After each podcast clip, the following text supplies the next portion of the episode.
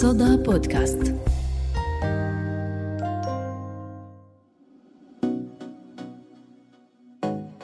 معايير محددة على المسطرة. لازم تكون موجودة قبل الزواج. الطول والعرض ولون البشرة والتحصيل العلمي والدخل آخر الشهر. ويا ريت الأمور بتوقف عهون المسطرة بتطول أكتر وأكتر لتوصل للأهل. مين هم؟ شو تحصيلهم العلمي؟ ووين ساكنين ومين مناسبين. في وسط كل هالمعايير بتصطدم العائلات بالبرواز يلي حاطه المجتمع. بتحاول تحقق كل الشروط عشان تكون جواته. بس فجأة تصطدم العائلات اللي بيكون عندها كل معايير هالمسطرة بس عندها ولد من ذوي الإعاقة. إنها طلعت برا البرواز. بحلقتنا لليوم من بدون برواز بدنا ننسى المسطرة والمعايير وكل القواعد اللي حطها المجتمع. مين مثلا الأم اللي بدها تزوج بنتها لشاب زي مصعب؟ إحنا لسه عندنا ما عندنا قبول كثير في المجتمع. عندنا المجتمع لسه بيحجم عن دمج هدول في المجتمع. المجتمع لسه بتنمر على أولادنا. إنه مجرد ما يشوفوا الصغار والكبار بيضحكوا عليه. طب ليش؟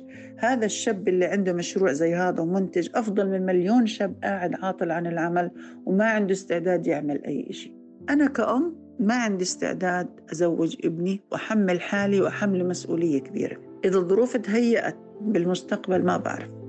في ناس كثير بتقول لك طيب إذا أنا لا سمح الله متت شو بده يصير فيه؟ أنا ما بفكر بهذا الموضوع. هذا الشاب رب العالمين أوجده. وهب لي إياه. وهو يعني ملاك من ملائكة الجنة في بيتي. ما بحكي الهم إذا متت أو ما متت أنا شو بدي يصير فيه. أنا عارف إنه رب العالمين راح يحميه وراح يتبعه راح يبعث له ناس تحبه وتهتم فيه. فمش عشان أخلص من مسؤوليته بزوجه بالعكس أنا إذا زوجته بكون جبت لحالي عبء ومسؤولية كبيرة. نظرة المجتمع والتنمر على أي شخص مختلف. هي اللي دفعت أم مصعب تحكي هالكلام. القصة أبداً ما إلها علاقة بكيف أم مصعب بتشوف ابنها اللي هو شاب عمره 23 سنة من متلازمة داون.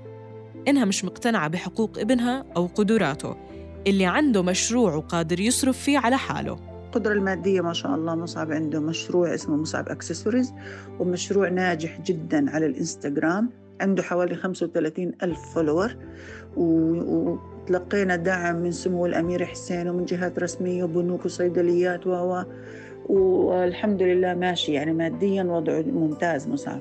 أم مصعب هي أحلام قصراوي أم لأربعة أبناء. مصعب أصغر أولادها.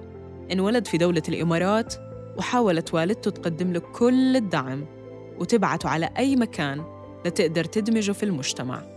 بحب الدبكة آه، متمكن من السباحة سباح ماهر لاعب كرة سلة لاعب كرة قدم رئيس فرقة دبكة في إربد kick boxing تايكواندو كل إشي قدرت عليه وديت له إياه والآن شغالين على موضوع وزنه فكل إشي نقدر نعمل له إياه عملنا له إياه. محترف بالبلاي ستيشن محترف على ال tab وهاي يعني مواصفات وإن شاء الله نكون قدرنا يعني نعوض موضوع التعليم اللي راح عليه. مرحلة المراهقة مرحلة بيحسبوا الأهل إلها ألف حساب. تغيرات كتيرة بتمر على الشاب وعلى الصبية. أسئلة كتيرة بتدور ببال المراهق وحيرة عند الأهل كيف ممكن يجاوبوا عليها. بس كيف عم تتعامل أحلام مع مصعب في عمر المراهقة؟ مصعب مر بمرحلة المراهقة زيه زي أي حدا من أصدقائه. الموضوع كان طبعا متشعب إذا بدنا نحكي عن موضوع المراهقة موضوع الحب والزواج وغيره. هم شباب آه، عندهم قدرات عندهم غرائز وعندهم ميول وبيستوعبوا وبيميزوا إنه هاي بنت وله ميول عندها. وبصير دور الأم ساعتها إنها تحاول إنها توظف هاي الغرائز بطريقة صح. يعني أولا اللي أنا كنت أعمله مع مصعب إني ما كنت أحسسه إنه في إشي غلط. إنه عيب تحكي عن البنت هيك. عيب تقول إنه هاي البنت حلوة. عيب تقول بدي أتجوزها. لا هذا حق من حقوقه بصراحة. هاي الميول الغريزية ومن رب العالمين ما بنقدر نكبحها. يعني مثلا مصعب بتحسي إنه عنده ميول للبنات إنه هاي البنت بحبها بسأل عنها. عادي بقول له مثلا عنها. مرت أخوه مثلا بقول له هاي زي أختك. أنا ما بحسسه إنه في إشي غلط بيعمل لأنه هو كل حق من حقوقه. المشكلة اللي بتواجه العائلات اللي عندها أولاد من ذوي الإعاقة ما بتقتصر على البيئة المهيئة والدمج ونظرة المجتمع والتعامل مع مرحلة المراهقة وبس لأنها بتتعدى هالمشاكل. مسطرة المجتمع بتصير تلحق العائلة لما تزوج واحد من أولادها وبتصير هالعيلة مش من ضمن المعايير المطلوبة. هلا إحنا كأمهات كثير بقلقنا وبيقرقنا موضوع إنه بس يكبر الولد أو بس إذا عندك بنت وبدها تتزوج أو عندك ولد بده يخطب هل في مشكلة راح يكون في المجتمع؟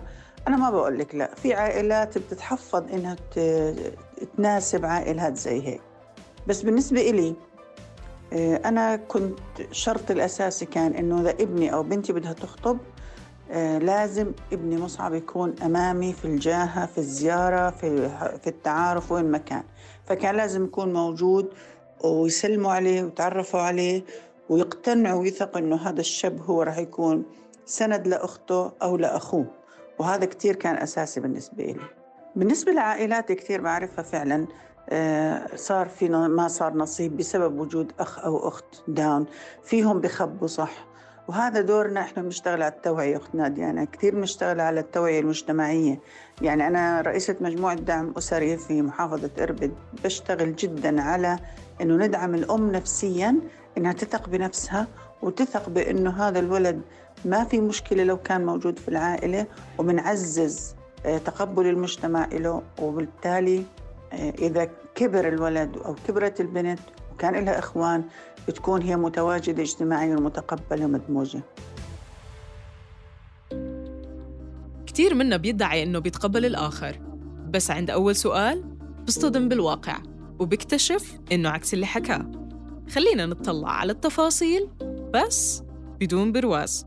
هلا أنا ما عندي مشكلة مع الشخص نفسه بس عندي مشكلة إني أتزوج هذا الشخص عشان بالمستقبل آه، ممكن الأولاد يصير في عندهم نفس هاي الإعاقة أو يعني لاسباب وراثيه فآه عندي مشكلة. أنا عندي مشكلة إني أتجوز شخص حدا من أهله عنده إعاقة. آه بوافق اني أتزوج وحدة أخوها عنده إعاقة ما عندي أي مشكلة. أه بصراحة أنا عندي مشكلة أتجوز واحد آه، يكون بعيلتهم عندهم إعاقة. أنتوا كمان احكوا لنا رأيكم في الموضوع وشاركونا بحلقاتنا من بدون برواز. صدى بودكاست.